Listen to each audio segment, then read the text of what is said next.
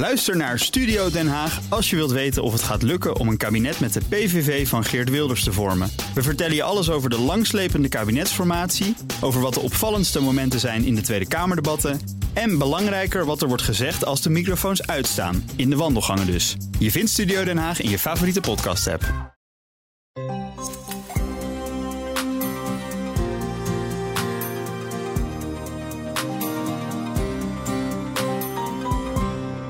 Dit is de Carbon Podcast, een podcast van Nieuwsbureau Energia en Grenzeloos Journalistieke Producties. Ik ben Tijdo van der Zee.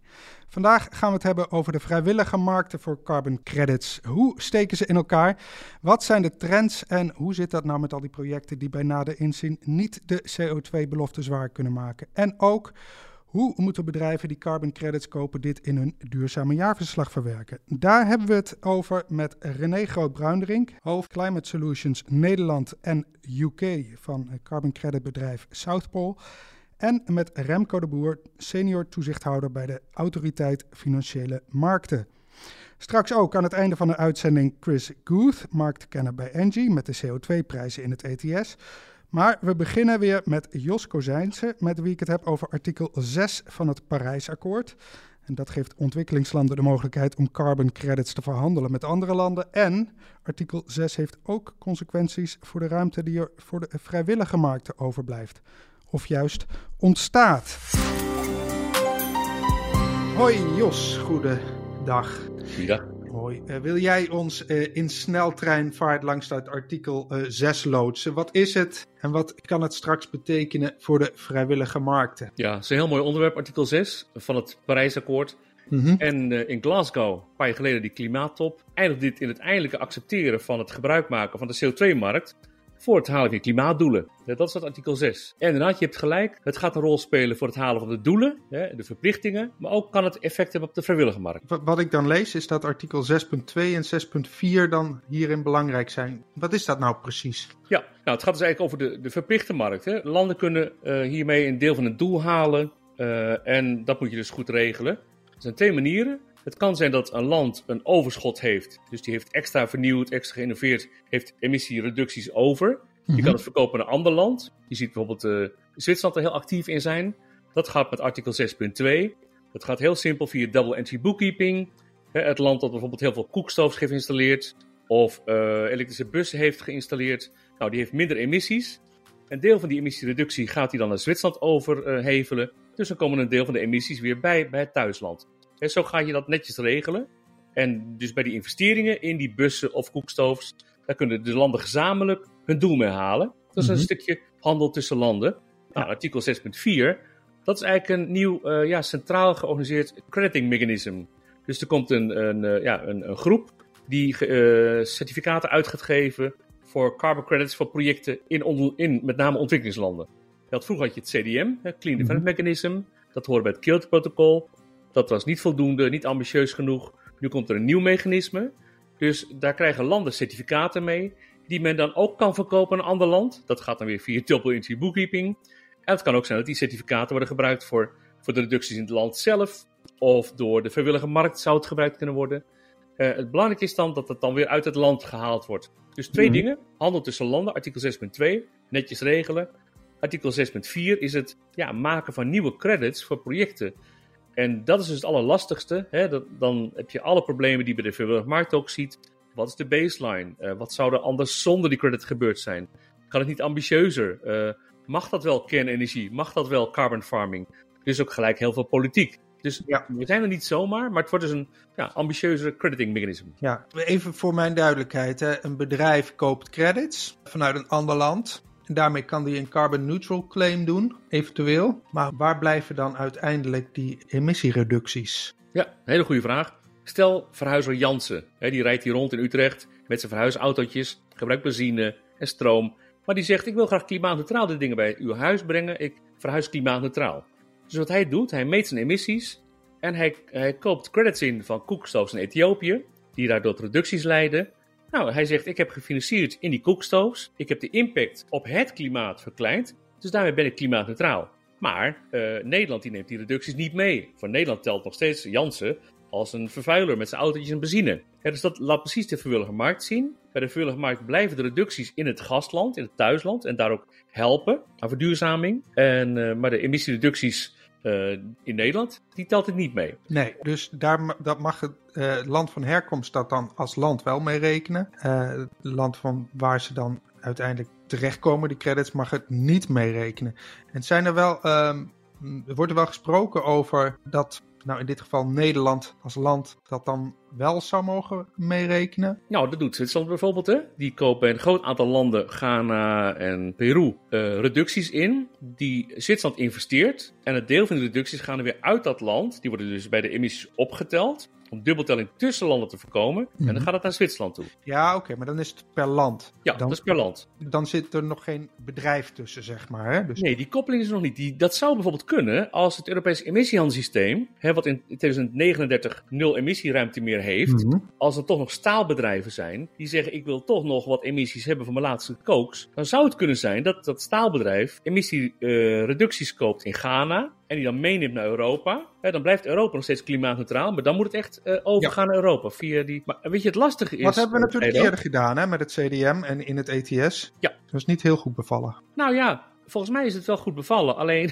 het was op een gegeven moment niet meer nodig, omdat het Europa de doelen al haalde. Dus de prijzen daalden heel erg. En het bleek dat het onmogelijk was om het CDM-systeem, de baselines, de methodes aan te scherpen, omdat landen dat allemaal doen. Het is heel politiek. Dus dat was hmm. lastig. Maar het, het begon heel goed, want uh, jaren daarvoor werd er nog geen reductie gerealiseerd in China, Thailand en dergelijke. Dus dat heeft het wel gedaan. Alleen, het werd nu tijd om het aan te scherpen. Nou, dat gaat nu artikel 6.4 hopelijk doen. Wanneer denk je dat het allemaal uitgekristalliseerd is, die 6.4? Nou, dat duurt nog wel een paar jaar denk ik. Want aan de ene kant is het heel moeilijk om zo'n nieuw creditmechanisme te maken. Hè, want we hebben natuurlijk de vrijwilligmarkt Ferra, Gold Standard al. Nou, die doen het al jaren hartstikke goed.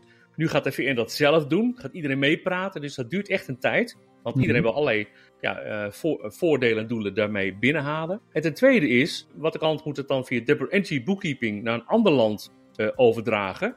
Maar dan moet het thuisland, het gastland, neem ook Kenia, neem ook Ghana, moeten we eerst alle eigen emissies op orde hebben, de registratie helder, zodat je echt precies kan zien hè, wat die koekstoofs aan reducties heeft betekend mhm. en hoe die emissies weer worden bijgeteld. Ontwikkelingslanden zijn nog lang niet zo ver om, om die corresponding adjustments, zoals dat heet, uh, te regelen. Dus het zal nog een tijd duren. Daarom zal de vrijwillige markt ondertussen ja, steeds een belangrijke rol blijven spelen. Ja, oké, die, die blijft een uh, rol spelen, maar die rol hebben ze al. Uh, als dit nou helemaal, zeg maar, goed is neergezet. Wat betekent het dan voor de vrijwillige markt? Nou ja, kijk, je gaat steeds meer een, een uh, overlap zien of een samenwerking tussen de vrijwillige markt en de verplichte markt. de vrijwillige markt, dus bedrijven doen iets op vrijwillige basis, hoeft niet. Uh, in projecten waar ook nog geen verplichting is, die vrijwilligheid, die gaat steeds meer een rol spelen bij het halen van doelen van landen. Dus wordt steeds uh, belangrijker. Daarom moet het ook steeds strenger worden.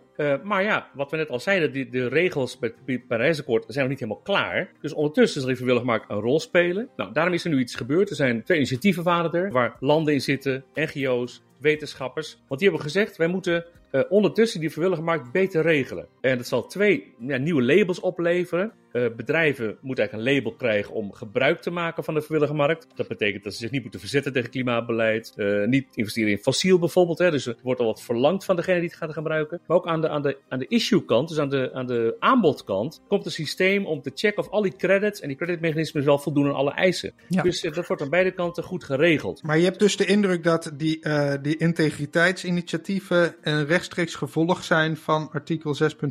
Ja, want landen willen veel meer investeringen in projecten. En die mhm. vrijwillige markt gaat daar een rol in spelen. Maar dan moet een land het wel echt mee kunnen tellen. Hè? Is het mhm. ambitieus? Uh, is de baseline goed gesteld? Wordt het goed gecontroleerd? Nou, die projecten deden we al. Maar nu moeten we eigenlijk alle projecten aan dat soort eisen voldoen. Dus het gaat steeds meer een rol spelen. Maar ik vind wel. Uh, kijk, als je als regeringen vindt dat die vrijwillige markt niet een goede rol speelt, regel het dan. Hè?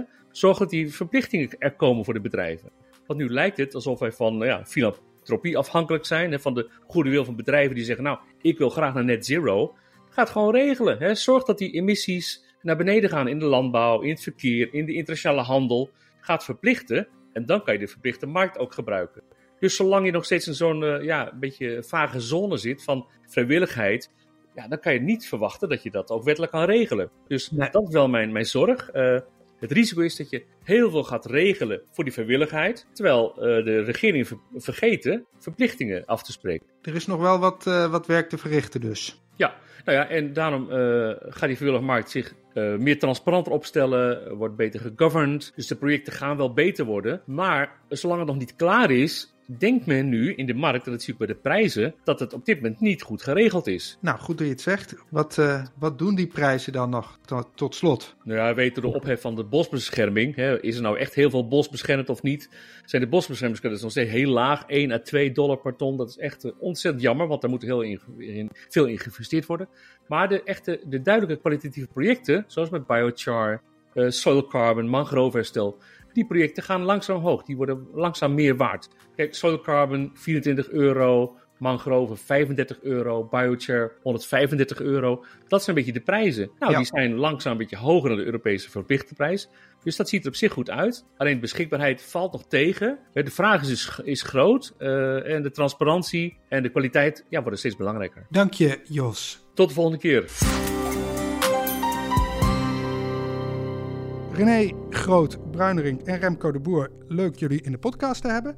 Uh, we zitten hier uh, op de Amsterdamse Zuidas uh, bij South Pole. jullie, René, zijn een Zwitsers bedrijf, opgericht in 2006. En in 2018 heeft South Pole een vestiging in Amsterdam geopend. En jullie zijn een van de grootste carbon credit bedrijven ter wereld. En in totaal werken er zo'n duizend mensen bij South Pole. Jullie hebben ongeveer 700 projecten onder beheer uh, die carbon credits opleveren. En jullie hebben ook eigen klanten. Uh, aan wie jullie uh, de credits verkopen. Dus als er één bedrijf is dat veel weet over de vrijwillige carbonmarkt, dan zijn jullie het wel. begin eens even, wat is, een, wat is een carbon credit? Een carbon credit, ja, het, het is een certificaat wat een waarde heeft die overeenkomt met het vermijden of het reduceren van 1000 kilogram CO2 uit uh, de atmosfeer. Ja, oké. Vermijden of reduceren. Ja. Dat kan beide. Ja. Ja, er zijn verschillende typen projecten die carbon credits genereren. En mm -hmm. er is een, een, een, groep aan projecten wat zorgt dat er CO2 uit de atmosfeer verwijderd wordt. Dan kun je denken aan herbebossingstrajecten of direct air capture. Mm -hmm. En er is een groep van projecten wat ervoor zorgt dat er um, minder CO2 wordt, uh, wordt uitgestoten. En dan hebben we het over bosbeschermingstrajecten uh, of bijvoorbeeld uh, de kookpotten. Um, en er is een breed scala aan projecten. Ze genereren, alle, genereren allemaal carbon credits. En nou goed, we hebben een breed scala aan projecten in onze ja, portefeuille. Ja, dit is echt dus een hele keten die eigenlijk waar, waar, waar allerlei soorten bedrijven dus deel van uitmaken. Waaronder dus bedrijven als Verra en Cold Standard. Kan jij ja. even aangeven wat voor bedrijven dat zijn, wat zij doen? Ja, ja dat zijn um, instanties die opgericht zijn door uh, non-governmental uh, organizations. Uh, die als doel hebben om het certificeringstraject van projecten op een goede manier vorm te geven. dus dat zijn instanties die ervoor zorgen dat de methoden die gebruikt worden om uit te rekenen van hoeveel credits worden hier gegenereerd, dat die methoden duidelijk beschreven staan, dat daar standaarden op ontwikkeld zijn uh, en dat ook de credits die worden gegenereerd op een goede manier in het register uh, terechtkomen, zodat ze getraceerd kunnen worden over de periode dat van generatie tot en met levering aan eindgebruikers. Mm -hmm. Verra en Gold Standard zijn gezamenlijk ehm, veruit de twee grootste partijen die wereldwijd uh, carbon credits certificeren. Ja, en hebben jullie nog een keus gemaakt of doen jullie het met beide? Of, uh, We werken met, met beide instanties, um, maar afhankelijk van het type project zijn sommige van de standaarden daar meer toereikend toe dan andere. Mm -hmm. uh, dus op het gebied van de hebben of de bosbeschermingstrajecten is er in het verleden vooral gebruik gemaakt van de Verra-standaard. Ja, ja, en Gold Standard? Um, ja, dat geldt voor hele andere typen van projecten. Ja, zoals? Nou, dan moet je vooral denken aan de, de, de nieuwere projecten, meer de technische oplossingen. Hè. Dus bijvoorbeeld direct air capture uh, of de agrarische projecten, dus de, waarin bijvoorbeeld uh, de bodem wordt versterkt, waar meer CO2 wordt opgeslagen door mm. verschillende gewassen te beplanten ja. en dergelijke. Remco, kan jij iets vertellen over de omvang van de markt voor de vrijwillige carbonmarkt in euro's en aan aantallen carbon credits? Ja, zeker. Uh, dat gaat om ongeveer 2 miljard dollar. Uh, en dat zijn uh, ongeveer 500 miljoen ton aan credits. Ja. Ik moet wel bij zeggen, dat is een ongereguleerde markt. Dus dat wordt niet centraal geregistreerd. Dus, dus dit zijn schattingen van de markt. Oké. Okay. en hoe, worden die schat, hoe wordt dat geschat? Wordt dat bij uh, nou, het begint met wat we wel weten. Dus uh, bijvoorbeeld wat Verra en Goldstandard verifiëren wordt opgeteld. Mm -hmm. uh, er zijn partijen die dit bijhouden. Maar het hangt af van wat je precies meet en hoe je dat meet, wat je daarin vangt. Dus een precies getal is het niet, maar dit, zijn ongeveer, dit is ongeveer de orde van grootte waar het om gaat. En dan weten we dus ook wat de gemiddelde waarde van een credit is. Dat is dan 4 euro als je die twee door elkaar deelt, zeg maar. Ja, dit was een cijfer uit 2021 en was dat gemiddeld 4 euro, uh, 4 dollar eigenlijk. Nou ja, dat is gemiddeld van uh, ontzettend veel uiteenlopende projecten. Dus dat is een gemiddelde, uh, wat op zich weinig zegt. Er liggen na projecten aan die veel minder, veel minder waard zijn, projecten die veel meer waard zijn. Uh, ik denk dat dat een belangrijk kenmerk is van de vrijwillige markt. Dat er gewoon een enorme diversiteit is aan onderliggende projecten. Is er een soort trend waarneembaar? Nou, interessant om te beginnen voor 2021. Daarvoor is die markt echt ongelooflijk hard gegroeid. Ja. Uh, daarna, daarvoor waren het echt veel kleinere aantallen en in die jaren is het, is het enorm snel gestegen. Uh, in 2022 lijkt het wat af te vlakken, dus geen enorme groei. Uh, ja, en daarna, daarna is het natuurlijk lastig te zeggen, maar het hangt er een beetje vanaf. Als je kijkt naar onafhankelijke schattingen van analisten die er doen, die voorspellen nog veel meer groei. Dat deze markt -hmm. nog veel groter gaat worden. tegelijk hangt dat natuurlijk af van wat gaat gebeuren met de compliance-markt. op welke andere manier de CO2-uitstoot gereguleerd gaat worden. Um, dus daarom is het lastig te zeggen of dat zo zal blijven. Ja, ja oké.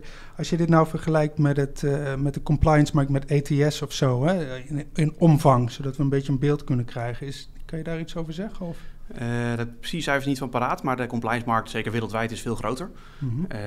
volgens mij is alleen de Europese markt al veel groter dan wat, wat er vrijwillig gebeurt. Ja. en zeker als je kijkt naar handel, je hebt natuurlijk nog uitgifte aan handel. en op ETS wordt er veel meer gehandeld. dus dat zijn wel veel grotere veel grotere orders van grootte dan uh, op de vrijwillige ja, markt. Ja, ja.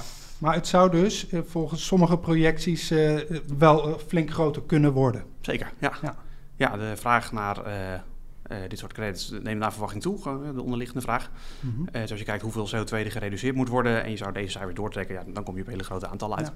En om wat voor bedrijven gaat het dan? Want dus niet de partijen op de compliance-markt, dus niet de industrie, energiebedrijven, maar welke bedrijven wel?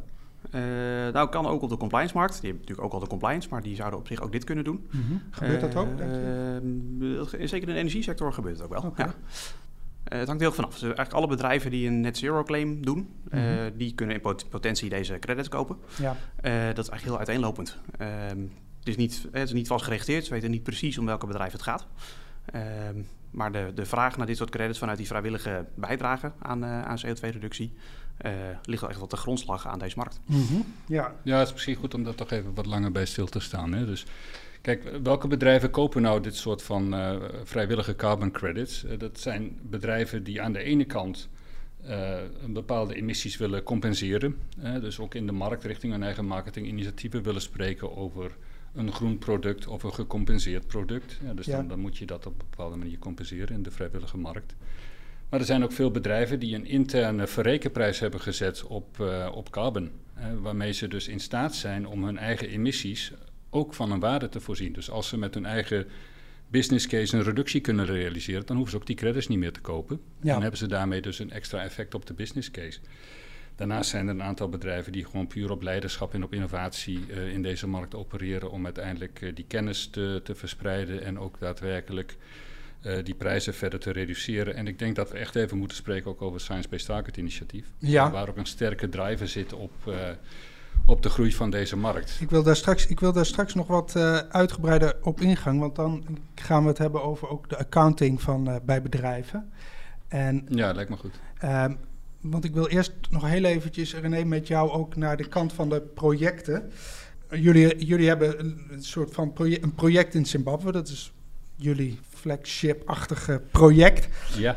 En Follow the Money, uh, bekend uh, nieuwsmedium, uh, die heeft jullie op de korrel met dit project. Wat is er, wat is er gaande? Je moet je voorstellen, dit is een project wat, wat zich 100% richt op het beschermen van het bos. Ja. We praten hier over een gebied met een omvang van, van een, een, een aantal Nederlandse provincies waar 300.000 mensen wonen. Uh, in Zimbabwe, uh, twaalf jaar geleden, onder het toen geldende bewind van Mugabe en met een bizar slechte economie. Mm -hmm. Als je zo'n bosbeschermingsproject begint, dan moet je een inschatting maken van wat de ontbossingsgraad zou zijn in dat gebied op het moment dat je het project niet zou uitvoeren. en wij zijn dus twaalf jaar geleden met het project begonnen, als een van de eerste wereldwijd um, met een dusdanig groot project en hebben dus een inschatting moeten maken van oké, okay, um, zonder dit project zou de ontbossingsgraad deze kant op gaan. Ja.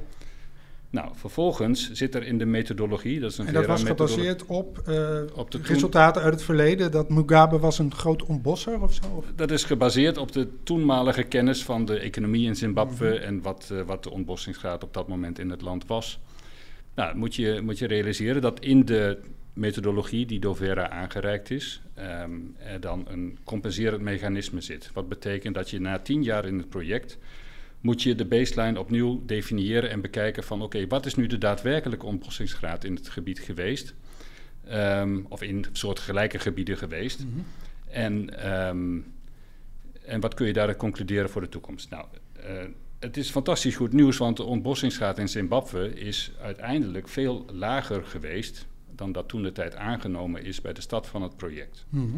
Heel positief, hè, een betere economie, eh, Mugabe is niet meer daar. Ehm, goed voor het klimaat. eh, goed Mugabe voor, is eh, overleden in 2019, dacht ik. Ik weet niet wanneer die overleden is. Dacht ik. Ehm, maar niet meer aan de macht. Nee. En ehm, als gevolg daarvan eh, is er dus een, een overschatting geweest van de klimaatimpact van het project zelf. Nou, Mhm. In de methodologie is vervolgens een eh, correctiemechanisme opgenomen waarmee je kunt, eh, een nieuwe baseline moet vaststellen.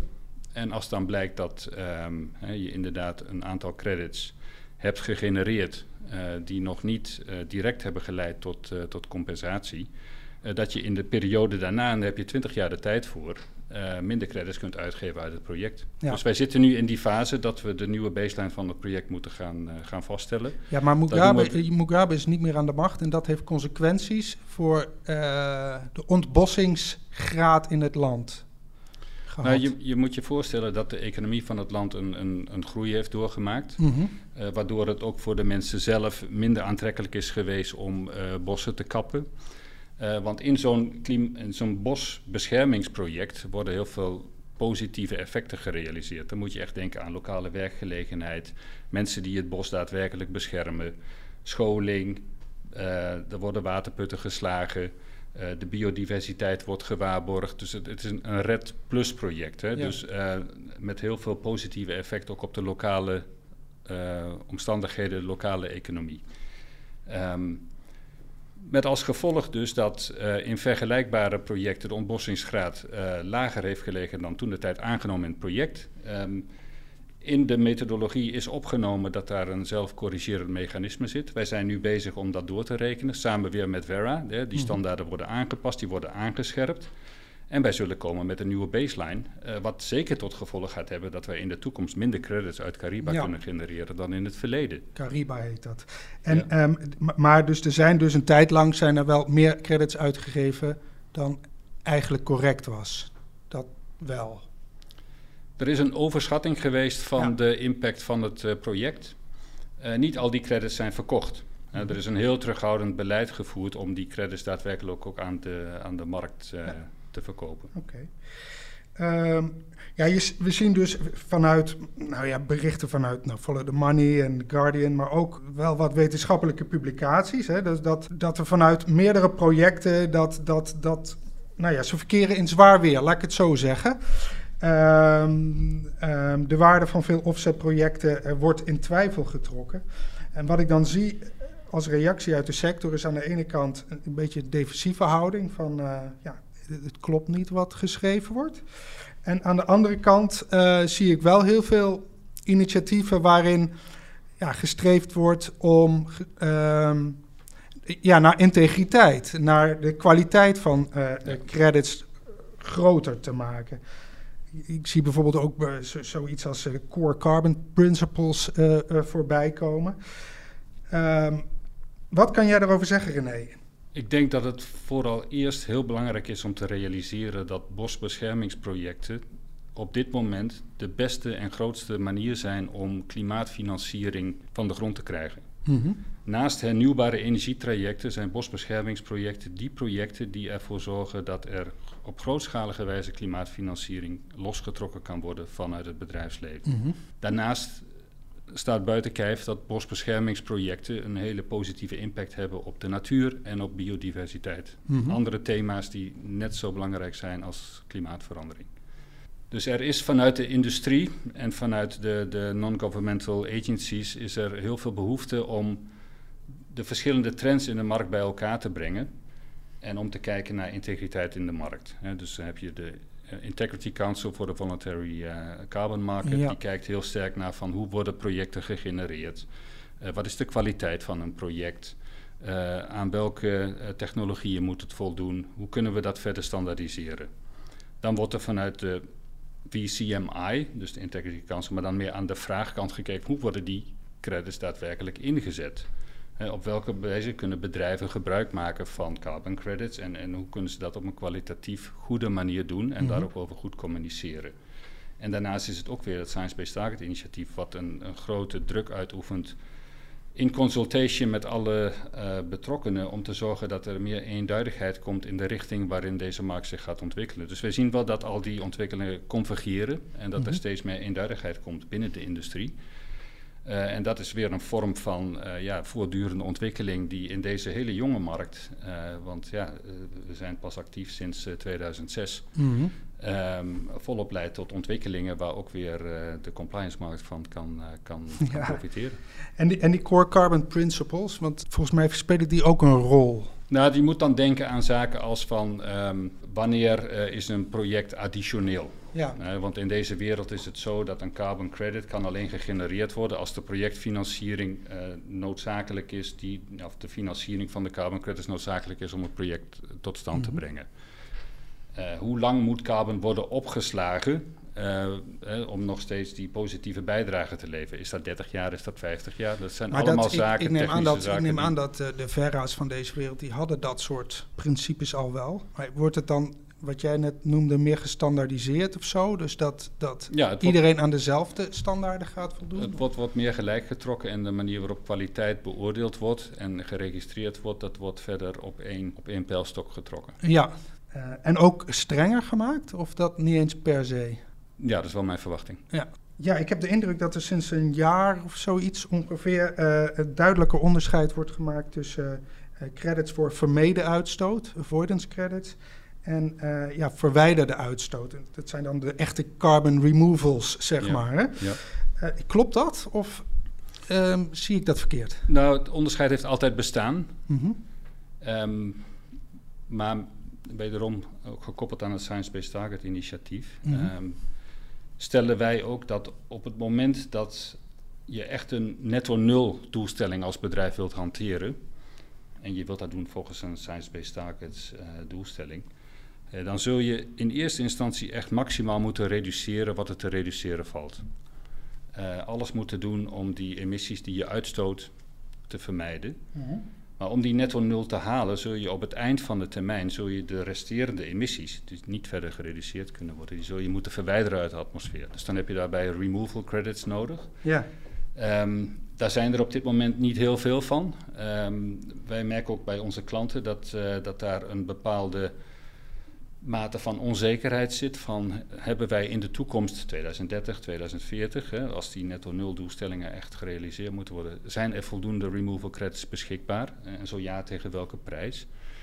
Uh, dus wij hebben bijvoorbeeld ook een next-gen facility uh, opgericht, mm -hmm. um, samen met uh, investeerders zoals de Boston Consulting Group, Microsoft en, en UBS om ervoor te zorgen dat er een grootschalige portefeuille aan removal credits beschikbaar komt. Mhm. En deze bedrijven investeren ook om ervoor te zorgen dat die kostprijs omlaag gaat. Want bijvoorbeeld direct air capture, ja, dan praat je over een prijs voor een credit van, van meer dan 200 uh, euro per ton. Maar als het dan dus over die laatste uh, zoveel procent gaat, uh, betekent dat dat bijvoorbeeld een herbebossingsproject wel en een, ehm, en een um, bosbeschermingsproject niet mag? Die, de, dat klopt inderdaad, ja. ja, ja. ja. Oké. Okay. Uh, goed. Remco, aan jou de vraag. Uh, dus uh, de gereguleerde markt ehm, van de bedrijven die onder het Europese emissiehandelssysteem vallen. Ehm, daar wordt nou gewerkt aan een ja, certificeringssysteem voor negatieve emissies. Um, het idee is van, we hebben straks als uh, over een jaar of tien of vijftien of zo, hebben we eigenlijk nog wat restemissies, waar René het net al over had, uh, bij de bedrijven die buiten het ETS vallen. Uh, dus die moet je inderdaad met negatieve emissies zien te, te compenseren. Die, ehm, die- in de vrijwillige markt zijn er bedrijven met een net zero eh, eh, strategy. Ja, hoe, jij, jullie hebben eh, onlangs een, ehm, een rapport geschreven over de vrijwillige markt. En daarin heb je, eh, het, kijk, dan moet je op een gegeven moment als bedrijf bepalen, dit kan ik eigenlijk bijna niet meer ehm, reduceren, dus dit moet ik compenseren met, met eh, credits. Maar hoe bepaal je dat? Hè? Dus jullie noemen daarin in het rapport de Marginal Abatement Cost Threshold. Ja. Wat moet ik me daarbij voorstellen?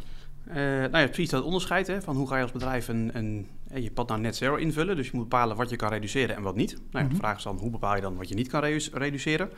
Eh, hard to abate heet dat dan. Ja, en die threshold betekent eigenlijk zoveel als, nou, we stellen een prijs vast en tot die prijs kunnen we het reduceren en daarboven is het te duur, kunnen we het niet reduceren en dat gaan we dan dus compenseren. ja, bijvoorbeeld met credits. Het risico wat daar natuurlijk in zit, dat als je heel goedkope credits kunt kopen, dat, het, eh, dat er een prikkel zit om die grens niet al te hoog te leggen. Mhm. Waardoor er ja, te veel nadruk op eh, compensatie en te weinig op productie komt te liggen. ja. ja. En Wat voor een prijs zou je dan, zou je dan aan denken? Ja, geen idee. Dat hangt denk ik uiteindelijk meer af van wat er in de verplichte markt gebeurt. Mhm.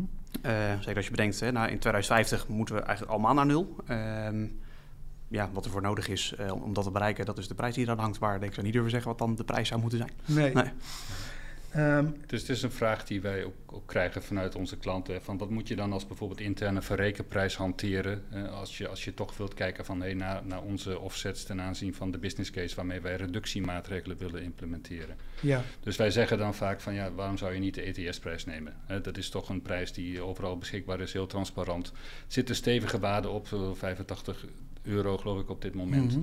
Eh, en dat betekent toch dat als je een reductie kunt realiseren, dat daar een, een heel mooi positief effect op zit. Eh, omdat je namelijk die offset niet meer hoeft te kopen tegen die prijs. Er is trouwens heel recent een fantastisch onderzoek eh, ook, ook ge- gepresenteerd, volgens mij door Trove. Wat laat zien dat bedrijven die offsetten, dat die twee keer zoveel impact hebben op reductie van hun eigen emissies dan bedrijven die het niet doen. Dus het verhaal dat er wordt geoffset als aflaat of Mhm. eh, om, om vervolgens eh, daar de mogelijkheid hebben om niks te doen aan eh, reductie, eh, dat is iets wat wij helemaal niet Klopt herkennen. niet. Dus jullie zeggen, bedrijven die credits kopen, die zijn over het algemeen al heel goed bezig met reduceren. Dat, dat is de conclusie. Dat klopt, Ja, ja, ja. ja. want ze hoeven het uiteindelijk niet te doen. Nee. Maar jij had het net al over de science-based target. Hè? Wat is dat dan? Ja, Ehm, ja, je moet je voorstellen als bedrijf dat je, dat je je bijdrage wilt leveren aan de klimaatdoelstellingen van, van Parijs. Hè? Dus we moeten binnen de anderhalve graad blijven. Ehm, maar dan zit je als bedrijf na te denken, ja, wat moet ik dan als, als mijn bijdrage zien? Ehm, dus het Science Based Target initiatief is in 2015 opgericht, ook weer door een aantal NGO's, hè, dus eh, CDP, WWF, WRI, eh, partijen die hebben nagedacht van oké, gegeven de situatie waarin het bedrijf zich bevindt, de industrie waarin het bedrijf zich bevindt, de reducties die al hebben plaatsgevonden, laten wij eens nadenken van hoe bedrijven op een goede manier kunnen vaststellen wat hun emissies zijn binnen de verschillende scopes die daarvoor Mhm. gebruikt worden. Eh, wat de juiste transitiepaden zijn richting de toekomst en welke doelstellingen ze vervolgens zouden moeten zetten voor 2030, voor 2040, om uiteindelijk als bedrijf te kunnen zeggen van ja, als we die doelstellingen halen, dan hebben wij onze evenredige bijdrage geleverd eh, aan het decarbonisatiepad binnen onze industrie waarin we opereren. Het mooie hiervan is dat ehm, er inmiddels zo'n 5000 bedrijven zijn die een science-based target gezet hebben. Eh, dat, dat aantal dat groeit op dit moment heel erg sterk. En je ziet dus ook dat daar eh, vanuit bedrijven die hun emissies moeten reduceren, dat ook moeten doen met hun toeleveranciers. En dat dus ook aan de toeleveranciers gevraagd wordt van, hey, hebben jullie een science-based target? En zo ja, kunnen we daar eens meekijken. En wat, wat doen jullie eigenlijk om jullie emissies te reduceren? Ja. Want het gaat uiteindelijk over de hele keten. Maar, maar, maar jullie, zijn, jullie helpen bedrijven met die science-based target. Dat klopt. Maar kijk, ja, ja, jullie hebben projecten en jullie willen ook carbon credits verkopen. Dus voor jullie zou dan eh, misschien eh, eh, een, een, soort motivatie zijn toch zeggen van nou, doe dat maar met credits. Hè? Dus, of, of zeggen jullie van nee, ga eerst reduceren. Ik bedoel, Wij adviseren altijd om eerst volledig te reduceren. maar daar verdienen jullie geen geld mee. Nee, maar er zijn ook bedrijven die credits kopen zonder dat ze een science-based target hebben. Mhm. En ze zijn natuurlijk niet verplicht om die credits bij ons af te nemen. Nee. Dus wij zijn heel veel klanten waarbij wij alleen consultancyopdrachten uitvoeren zonder dat daar ook maar carbon credits bij uh, Ja. tot stand komen. Die bedrijven, daar gaat wat veranderen in de manier waarop zij eh, in hun jaarverslag de, ja, hun, hun duurzaamheidsdoelen presenteren. Eh, Remco, kan je aangeven wat er gaat veranderen, om welke regel het gaat en eh, wat voor de manier waarop je carbon credits in je boekhouding opneemt? Ja, zeker. Dat gaat om de Corporate Sustainability Reporting Directive. Ja, Eh, dat is een Europese regel die stelt dat er eh, eh, meer gerapporteerd moet worden in de jaarverslaggeving over nou, eigenlijk alle duurzaamheidsgerelateerde aspecten van de bedrijfsvoering. Dus zowel de impact van het bedrijf op de omgeving als de impact van de omgeving op het bedrijf. Ehm, voor carbon credits betekent dat dat een bedrijf moet gaan rapporteren over de uitstoot en de uitstootreductie. Mhm. Eh, en daar komen nu standaarden voor hoe ze dat moeten doen. Die waren er eerst nog niet, die komen er nu wel. Dus dat, dat is een hele grote verandering. Eh, specifiek voor carbon credits betekent dat dat ze uitstoot moeten gaan rapporteren en daarbij niet van tevoren al carbon credits mogen betrekken. Dus dat moet apart worden eh, gepubliceerd. Hè. Het bedrijf moet duidelijk gaan zeggen van oké, als we net zero doel hebben, welk deel gaan we invullen met reductie en welk deel gaan we invullen met compensatie. En ook hoe gaan we die compensatie dan doen? Welke credits gebruiken we daarvoor ehm, en welke aandachtspunten Ja. zijn erbij? Nou, Dus het is een beetje als salderen, zeg maar. Je, je moet wel eerst noteren wat je gebruikt, om vervolgens te kunnen zeggen waar je het mee afdekt.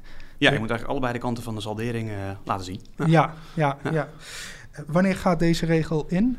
Eh, dit gaat voor de eerste groep bedrijven vanaf 1 januari eh, 2024 in. Eh, en er komen meerdere groepen bij in de jaren daarna. Dat is welke een, eh, groep is dat die als eerste eh, gaat? Het begint met de grote beursgenoteerde ondernemingen. Mhm. Eh, daarna komen ook de kleinere beursgenoteerde ondernemingen. En nog een aantal categorieën. Eh, tot en met 2028, als ik me niet vergis, komen daar steeds meer bedrijven bij. Eh, ook dat is een groot verschil met voorheen trouwens. Dat er veel meer bedrijven vallen hieronder dan onder de, eigenlijk de oude duurzaamheidsverslaggevingregels. Eh, d- dus veel meer bedrijven gaan hiermee te maken krijgen. En er wordt ook echt veel meer gevraagd dan eh, voorheen. Ja. Is het voor bedrijven makkelijk om dit te doen? Of eh, ik bedoel, zijn ze er al een beetje klaar voor, heb jij de indruk? Eh, nou, daar hebben we onderzoek al naar gedaan, eerder dit jaar. Ja. Eh, en daar zien we dat er wel grote stappen gezet moeten worden. Eh, dus als we dat afzetten tegenover hoe de standaarden straks zijn, eh, dat er nog grote stappen gezet moeten worden om dat te halen. Ehm, tegelijkertijd zijn bedrijven natuurlijk wel druk mee. Er moet ook veel gebeuren op het gebied van eh, databeschikbaarheid en dergelijke.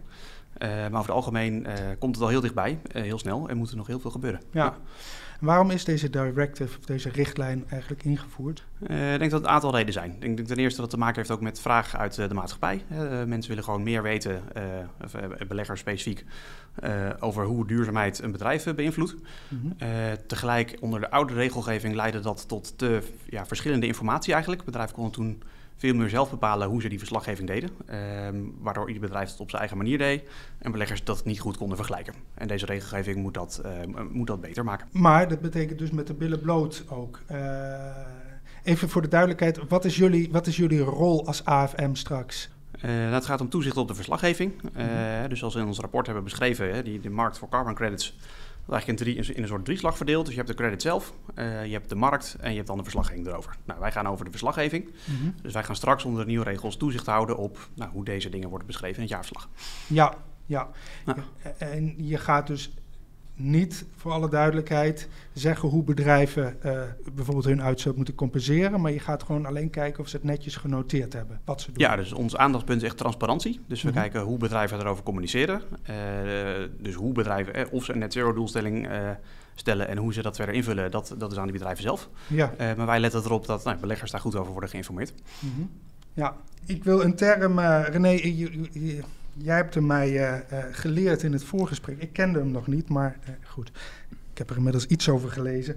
Greenhushing, Ja, zei jij, hè? als tegenhanger van greenwashing. Dus dat is bedrijven die hun ambitie terugschroeven of er minder open over zijn, omdat ze misschien bang zijn dat als ze meer pretenderen dan ze doen, dat ze dan, weet ik veel, een zaak aan hun broek krijgen of zo. Of, of de maatschappelijke eh, stemming Ja. tegen zich krijgen. Ook zo'n directive, zeg maar, zou daar misschien dus nog voor kunnen zorgen dat, dat bedrijven denken: oeh, nou, als we echt alles gaan moeten noteren en als we alles eh, transparant moeten maken, misschien moeten we dan maar even oppassen met eh, wat we daadwerkelijk ook gaan doen of zo. Of, kan jij daar iets over vertellen? ja. Nee, wij juichen gewoon transparantie en de regelgeving daarop enorm toe. En dat is ook noodzakelijk in deze markt. Zowel aan de kant van de generatie van de carbon credits, maar zeker ook aan de kant van het gebruik van de credits. want het is toch ook ehm, aan de orde geweest om klimaatneutraal te kunnen tanken of klimaatneutraal te kunnen vliegen. Mhm. en dan krijgen bedrijven inderdaad vragen in de richting van welke scopes heb je allemaal meegenomen, hoe is dat uitgerekend. Dus bedrijven met heel veel goede intenties ook neutraliteitsclaims gemaakt hebben in het verleden. Ja, en scopes zijn dan? dat zijn de, de gebieden waarop de berekeningen daadwerkelijk uitgevoerd zijn. Dus welke landen heb je meegenomen, welke stappen in de waardeketen zijn mhm. meegenomen. Om het uiteindelijk helemaal te snappen van hoe die berekening tot stand gekomen is.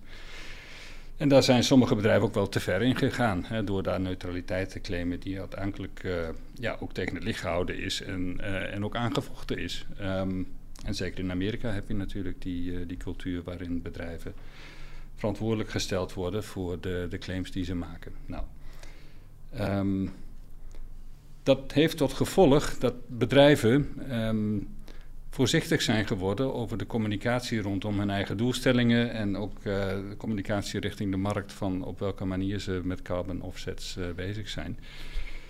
Ja, toch uit, uit een bepaalde angst van dat daar de publieke opinie zich uh, tegen gaat keren. En wij noemen dat greenhushing. Hè, dus mm -hmm. het, het, goede verhaal wordt niet meer verteld uit angst voor de, voor de publieke opinie. Ja.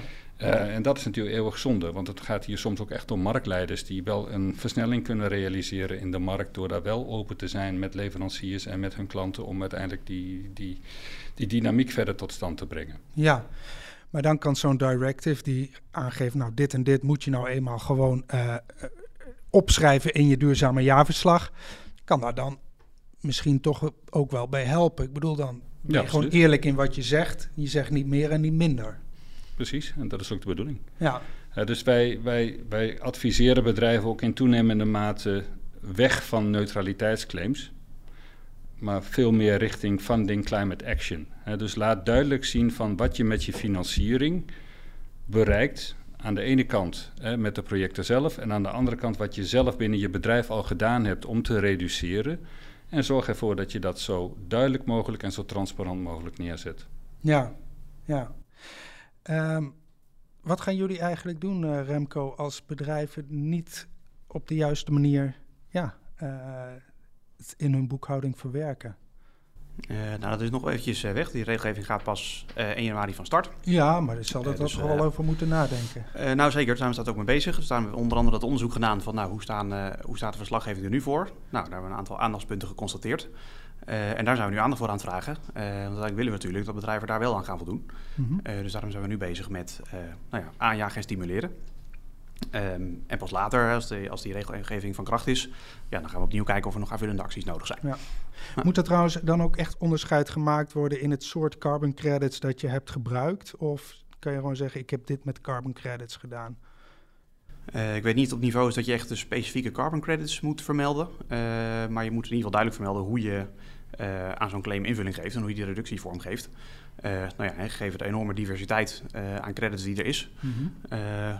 lijkt me wel verstandig om daar iets over te vertellen. Ja. ja, ja, dus je zegt gewoon, ik heb deze en deze credits gekocht bij deze uh, organisatie. Ze zijn van Verra en ze komen van dit project, bij wijze van spreken. Zo, zo ver moet het gaan. Uh, bijvoorbeeld van, nou, we hebben uh, gecompenseerd met deze en deze projecten. Ja, ja. en jullie, ehm, Remco, jullie zijn dus de komende tijd op zoek naar, naar mensen die jullie hiermee kunnen helpen met het invullen van toezicht op deze richtlijn. Ja, zeker. ja, de vraagt natuurlijk veel van de bedrijven, maar daarmee ja. uiteindelijk ook van ons, want wij ja. moeten de toezicht op gaan houden. Uh, dus daar zijn we nu mee bezig inderdaad. Ja, zeker. Leuk.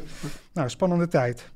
Uh, René Groot-Bruinderink van Southpol en Remco de Boer van AFM, dank jullie wel. Graag gedaan. Graag gedaan.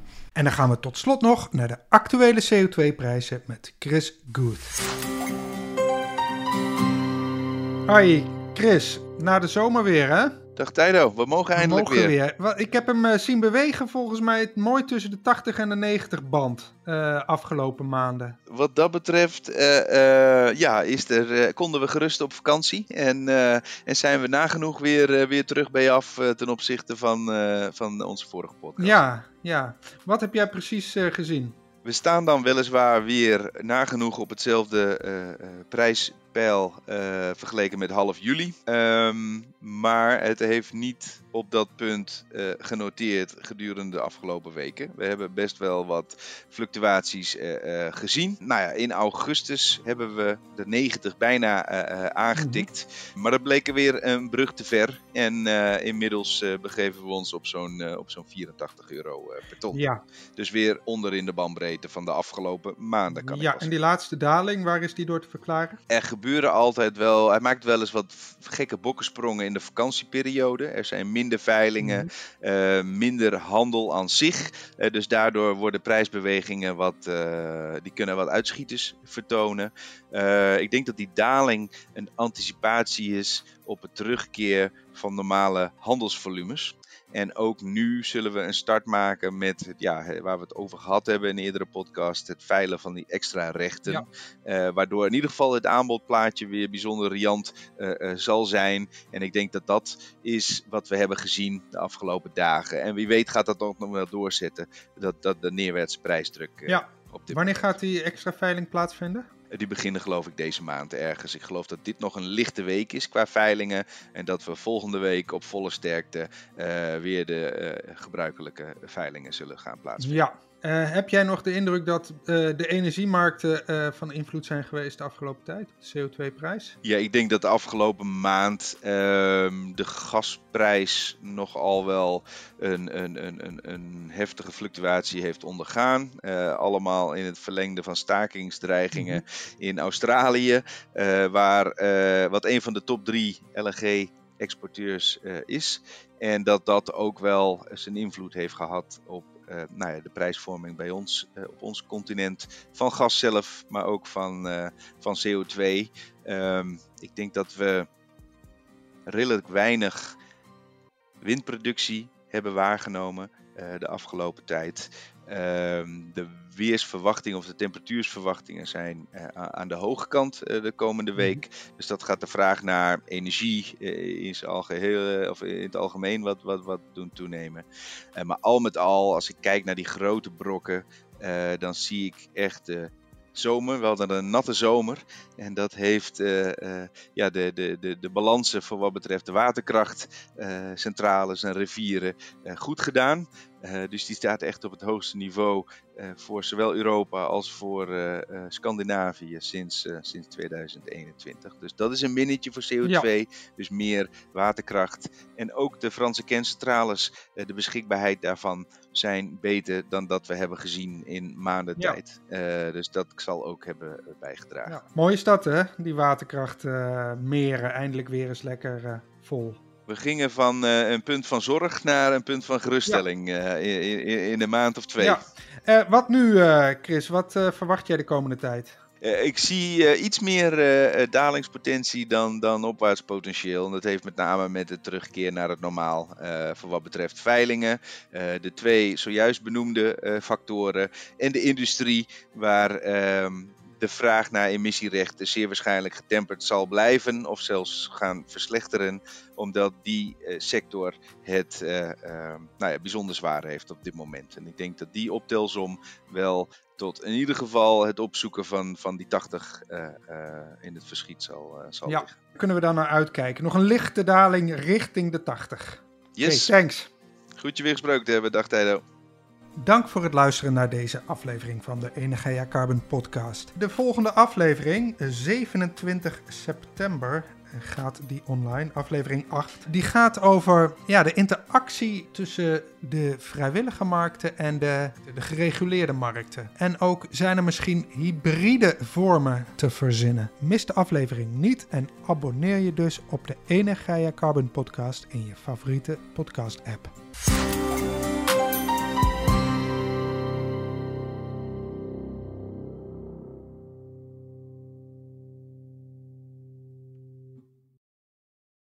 Ook Thomas van Zeil vind je in de BNR-app. Je kunt live naar mij luisteren in Zaken doen. De BNR-app met breaking news, het laatste zakelijke nieuws... en je vindt er alle BNR-podcasts, bijvoorbeeld Het Nieuwe Geld. Download nu de gratis BNR-app en blijf scherp.